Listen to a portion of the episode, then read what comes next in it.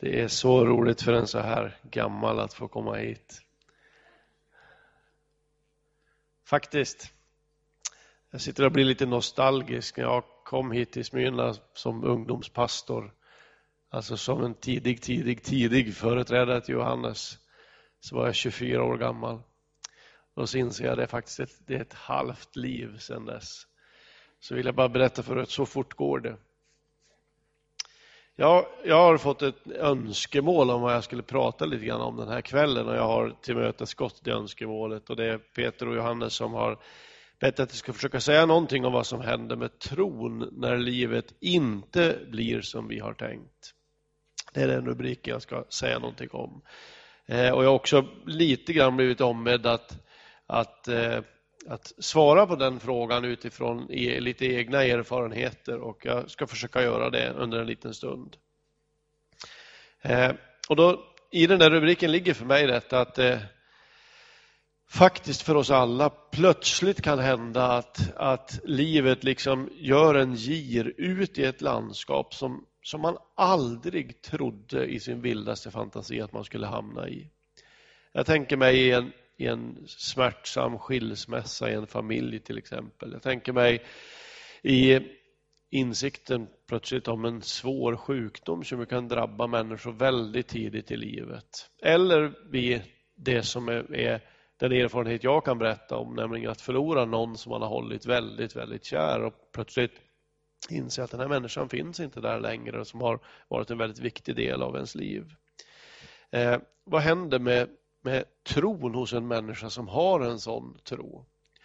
Eh, och om sådana där erfarenheter kan man ju aldrig någonsin tala lätt därför att eh, det, det, det, är sådana erfarenheter som liksom färgar in allting i en människas liv.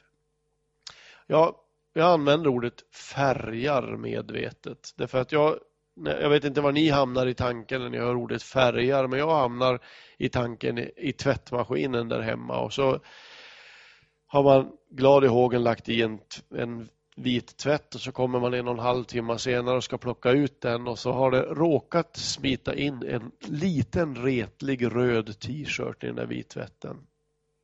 Och så vet ni hur det är, för jag antar att ni tvättar själva att när man tar ut den där vittvätten så kan detta enda röda plagg, det kan man liksom avläsa som ett blekrosa avtryck i vartenda plagg man tar ut och det är fruktansvärt tröttsamt. Så jag tänkte att precis så här är det med en del livserfarenheter. Alltså det kan hända saker i våra liv mycket, mycket tidigare än vi tror som, som är av en sån tyngd att man inser detta kommer att påverka allting i mitt liv. Mina relationer, mina föräldrarelationer, till syskon, till arbetsliv, till studier. Precis allting kan färgas in och det är sådana erfarenheter jag en liten stund skulle vilja prata om. Jag gillar den där frågan på ett sätt. Vad, vad händer med tron när livet inte blir som man har tänkt? Jag tänkte börja med att vända på frågan och säga så här. Hur kul vore det egentligen om livet blev som man hade tänkt. Har ni funderat på det? Hur lyckat vore det? Alltså tänk er följande scenario. Att en tonåring sitter, det kan vara någon av er, ni är förbi tonåren de flesta, men gör upp lite planer för sitt liv. Studieväg, yrkesval, karriär. Bestämmer sig för en lämplig tid att bli förälskad. Eh, och efter ett lagom långt sällskapsliv gifter man sig och så får man två små barn. Därefter så drar man ner en aning på arbetstempot medan barnen är små och så ökar man någonstans igen vid 45 års åldern för att trygga en bra pension.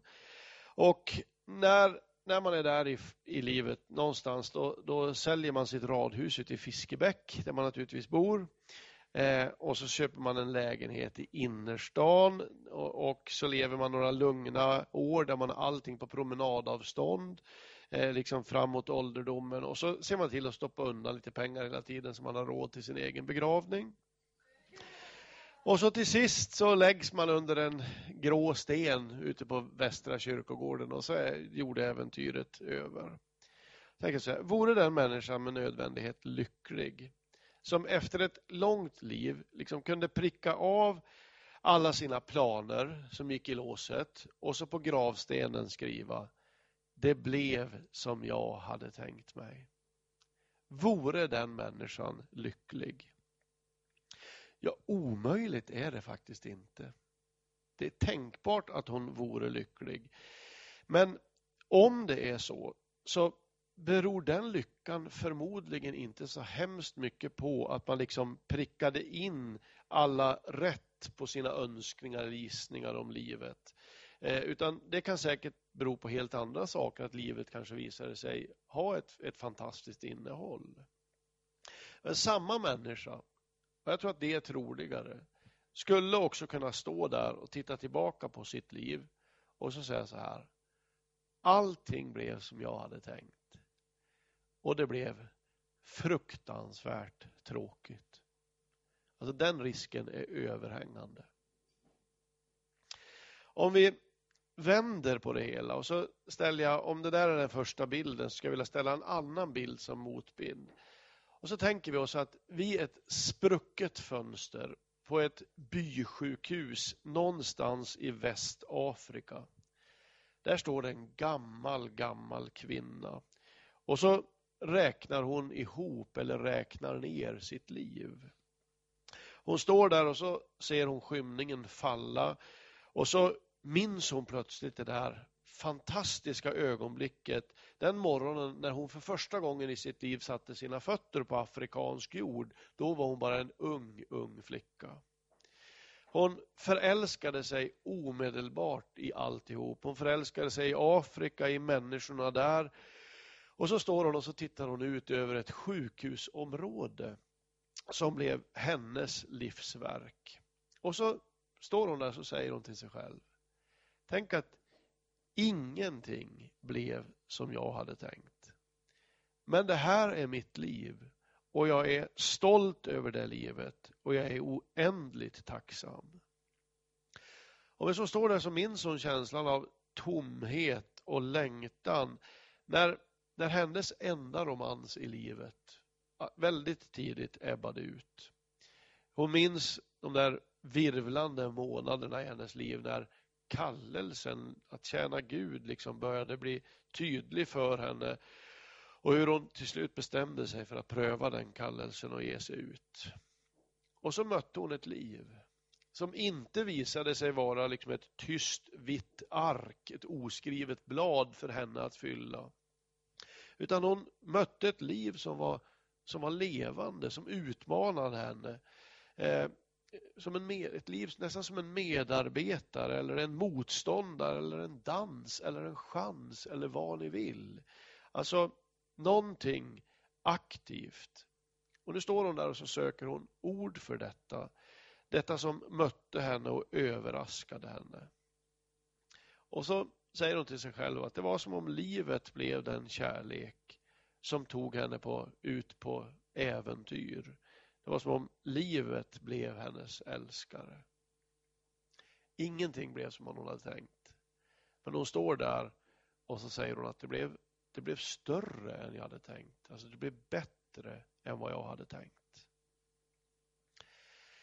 Hur lyckat är det om allt liksom blir enligt våra tankar? Tänk om det är så här att livet är så oändligt mycket större i gemenskapen med Gud än vad vi kan pricka av och ens liksom ana i förskott. Men att ibland händer det att livet kraschar eller går sönder och att man först då upptäcker vad som egentligen var liksom tanken med mitt liv eller syftet med mitt liv.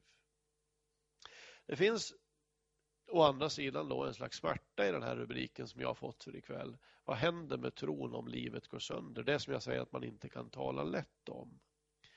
Eh, och några av er vet att jag har i ganska många år skrivit böcker och att jag gör det på på den andra halvtiden. Det är alltid en ständig fråga för mina kollegor vad jag gör på den andra halvtiden. Eh, jag kom på att det är jättesmart att jobba halvtid för då tror de ju alltid att man är på det andra stället. Liksom. Eller hur? Är jag inte här så är jag på sitt andra jobb och på det andra jobbet säger jag han är nog i Smyrna. Så, så ligger jag hemma och sover. Eh, men jag, jag, har skrivit i en rad böcker där man kan säga att det finns en sak som har virvlat förbi i några böcker och så finns det två böcker som mycket handlar om att, att vår familjesituation har präglats av att, vi, att jag, jag, Lotta och jag har fått tre pojkar. Eh, John som är här ibland och så Eh, har vi fått en äldre son och en yngre son som heter Karl-Petter och Ludvig. Och att, de, att de båda föddes med en väldigt svår fortskridande hjärnsjukdom och att den, den här sjukdomen gjorde att deras liv tog en ganska liksom, brant kurva så här och att, att, att de efter tio års ålder någonstans fick väldigt tungt med att överhuvudtaget hålla sig levande och att, eh, att, att båda pojkarna är döda sen Kapetre dog för sex år sedan och Ludvig för ett drygt år sedan.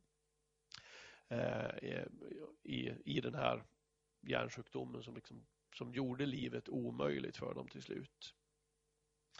Eh, jag upptäckte att jag, jag har, tror jag, ganska omedvetet förhållit mig till, till tre linjer som jag har kallat för tre livslinjer. Och jag tror faktiskt att alla ni i någon mån kan känna igen er i de där livslinjerna. Inte på exakt samma sätt som jag, det är inte poängen. Eh, men det är de här tre linjerna. På den första linjen står det så här.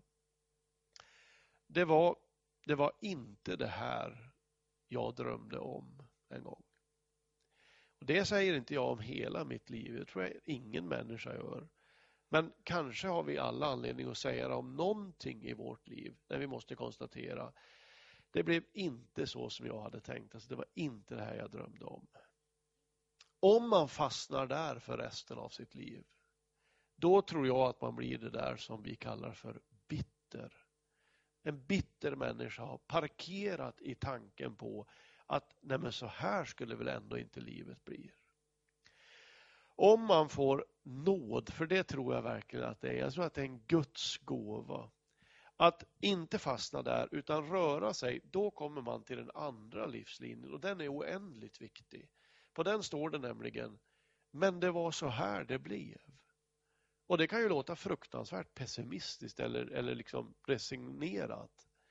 Men jag tror att det är precis tvärtom. Jag tror att det är först när man landar där, när man slutar leva i drömmen om hur det skulle, möjligen skulle kunna bli.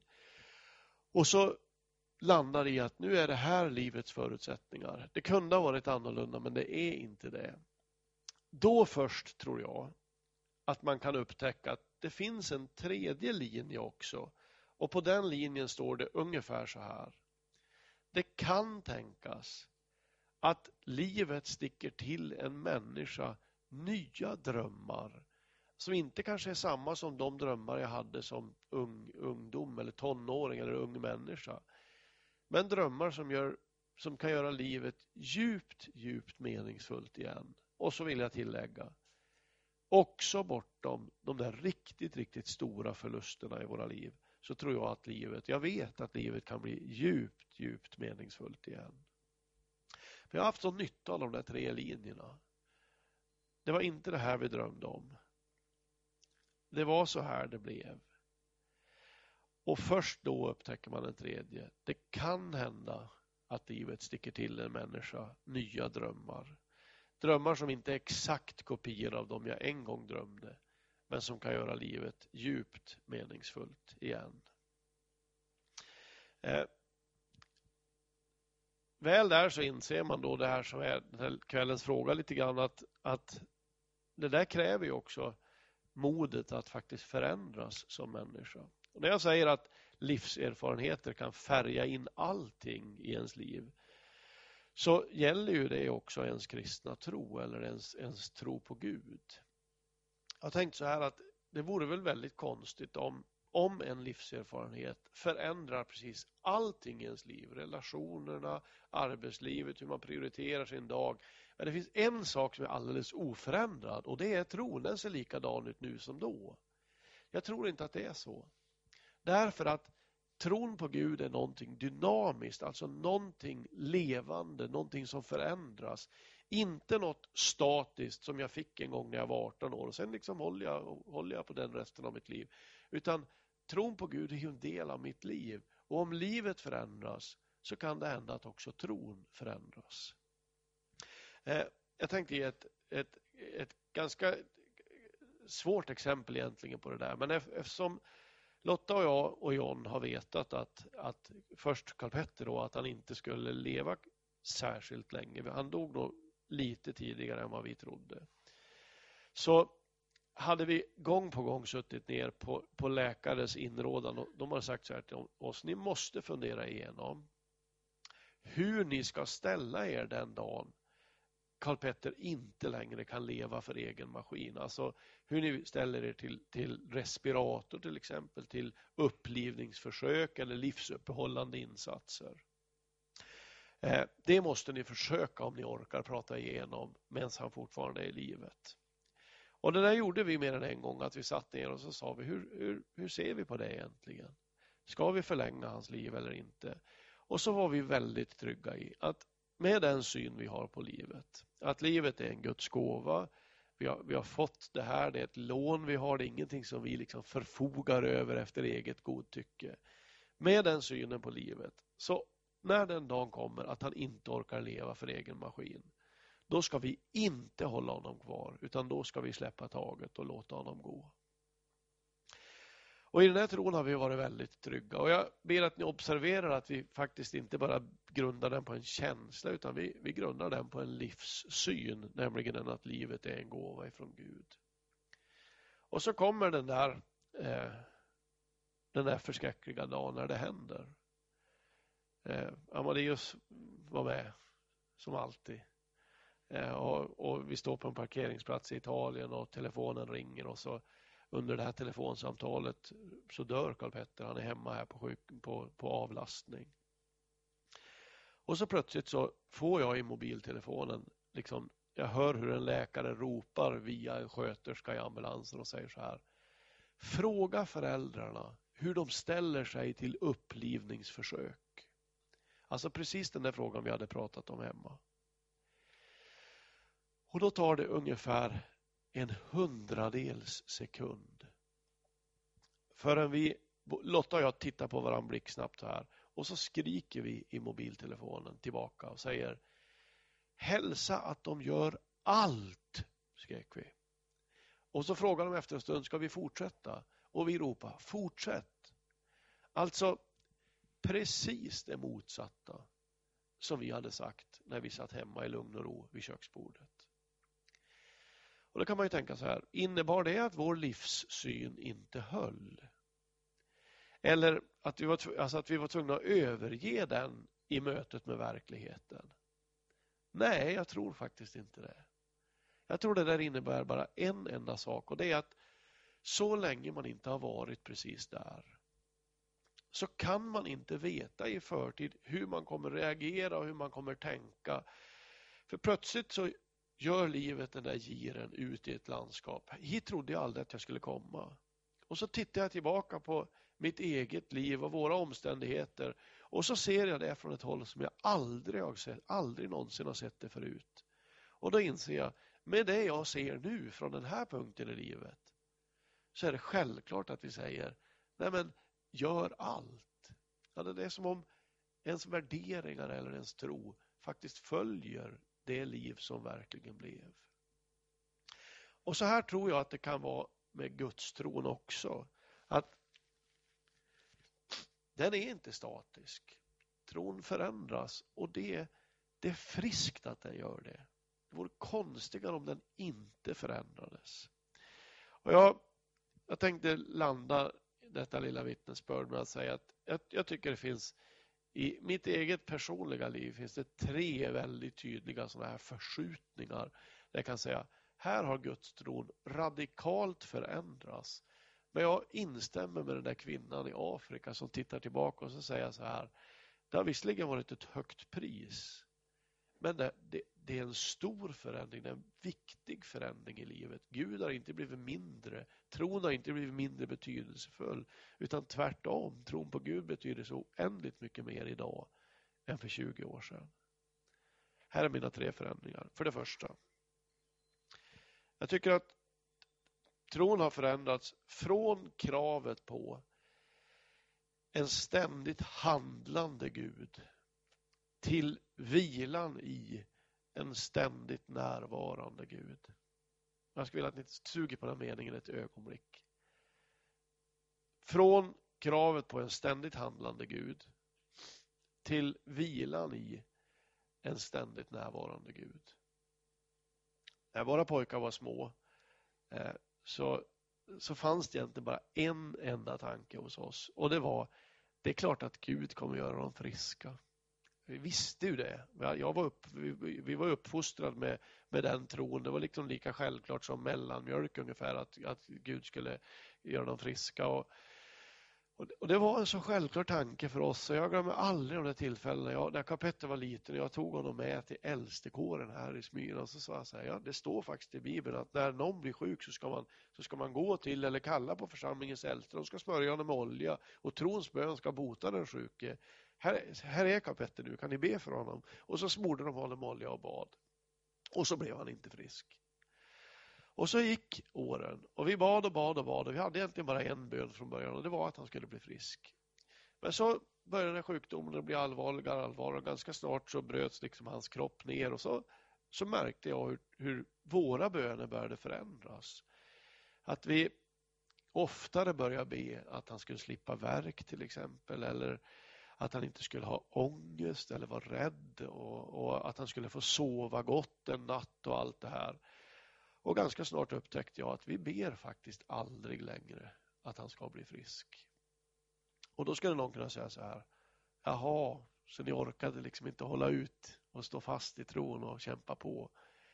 Ja, det, det, hade vi säkert orkat, men, men det kändes faktiskt som om det här var en ganska naturlig utveckling i tron. Det var som om man märkte att av respekt för den här människans liv och livsutveckling så kan ju inte vi stå här och bara kämpa emot och kämpa emot. Det vore ungefär till slut som att, som att be att en 101-åring skulle bli ung på nytt, som en tonåring. Alltså det vore mot naturen. Och till, till slut så märkte jag att de viktigaste bönerna var inte längre Gud gör så här, gör ingrip där. Utan de allra viktigaste bönerna det var de som lät ungefär Tack gode Gud för att du är här hos honom och hos oss och att du är ständigt närvarande och att det räckte, att vi var nöjda med det. Och det är viktigt att säga. Det här, detta innebär inte ett ögonblick att jag talar bara för mig själv att jag har övergett tron på gudomligt helande. Jag tror på det mer än någonsin. Jag tycker att det vore en ganska självupptagen tanke att säga så här. Bara för att det inte har skett hemma hos oss så slutar jag tro på det. Då, då kretsar ju precis hela världen runt vårt hus. Jag tror att Gud rör vid sjuka. Jag ber ofta för sjuka här i Smyrna i våra möten och jag tror att Gud i ett ögonblick kan röra vid en människa. Men livet förändrar oss i någon bemärkelse. Man föränd tron förändras också. Eh, jag har en kompis som heter Per som är ateist och ibland brukar jag brukar säga till honom det där att, att, att jag är så tacksam över Guds närvaro. Även, även om Gud ibland, man tycker han gör inte det jag hade bett om eller man får inte de där tydliga bönesvaren så, så är jag så tacksam för Guds närvaro. Då blir Per nästan arg och så brukar han säga så här. Men snälla någon, säger han. Vad har man för en nytta av en Gud som inte ingriper? Ja. Och då brukar jag tänka att det är väl, det är väl ungefär samma nytta som ett ett litet barn ibland har av en förälder. Det är inte alltid man kan liksom gripa in och förändra situationen och rätta till allt som har hänt. Men, men man är där i alla fall och bara att man är där förändrar faktiskt hela situationen. Och så har det varit med Guds närvaro. Den, den är en verksam kraft. Och så den andra förändringen då.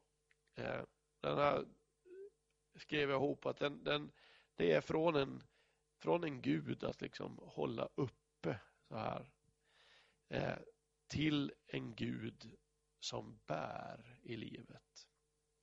Och Det där kan låta nästan som en språklig skillnad men jag hävdar att skillnaden i, i förhållningssättet är, är helt avgörande.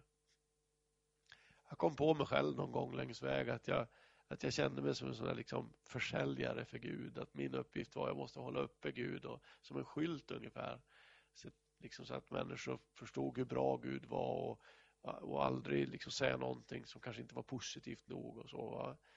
Och så till slut så insåg jag, det insåg jag faktiskt i, i pojkarnas närhet, att, att också om en människa inte, inte kan göra någonting, inte ens kan säga tack till slut, utan bara, bara finns där, bara ligger där, så förändrar ju inte det en förälders kärlek till det barnet. Man älskar ju den ungen precis lika mycket för det. Så tänkte jag, inte kan Gud vara sämre. Absolut inte. Så jag behöver nog inte gå och hålla upp Gud mer utan jag kan liksom slappna av och så inser jag eh, det är Gud som bär mig. Eh, och det är stor skillnad att, att bära på en tro eller bäras av en tro. Det är stor skillnad på dem. Och så till sist så tror jag man kan säga att det också har varit förskjutningen eller förändringen från en, från en Gud där uppe till en Gud där nere. Och det här är så svårt att säga på något vettigt sätt. Men jag kom på mig själv att jag har hela mitt liv tänkt. När jag har tänkt på Gud så här så har jag tänkt uppåt. Alltså, det har säkert med söndagsskobilderna att göra också. Gud som sitter någonstans långt där uppe. Och så tänkte att bönerna skickar man ju uppåt naturligtvis till Gud och så. Och så är det som Gud under de här åren har singlat ner så här. Som ett löv genom alla luftskikt och alla skikt av förtvivlan och förväntan och tacksamhet och längtan och allt detta. Och idag när jag tänker på Gud så går tanken faktiskt inte uppåt längre utan neråt. Alltså att Gud har mer blivit som ett, som ett golv, som ett gammalt norrländsk furugolv. Eh, än som ett tak eller som gardiner eller dekorationer. Och tänker man ett ögonblick på det så är det en stor skillnad. Om Gud är någon som jag hela tiden liksom ska sträcka mig upp mot eller nå så blir ju så blir väldigt mycket i tron beroende på min insats och min ansträngning. Om jag inte orkar sträcka mig längre, ja då är jag liksom förlorad på något sätt. Om Gud är ett golv under mitt liv, då är det inte hela världen om jag inte orkar. Då är det inte katastrof om jag faller. Därför att då vet jag att då, då faller jag ner på det här, på det här golvet. Gammal norrländsk fura. Eh, och det golvet tar emot. Eh, och det, det är nog ett av mitt livs stora upptäckter att, att sån är Gud. Mer golv än gardiner och tapeter, om du förstår bilden. Det kan hända att tron förändras när livet förändras. Mitt budskap är att det kan göra fruktansvärt ont. Men det kan också hända att man upptäcker nya sidor av Gud där Gud inte krymper utan Gud blir större, tryggare, fastare och verkligare. Och det är en fantastisk förändring. Vi ber.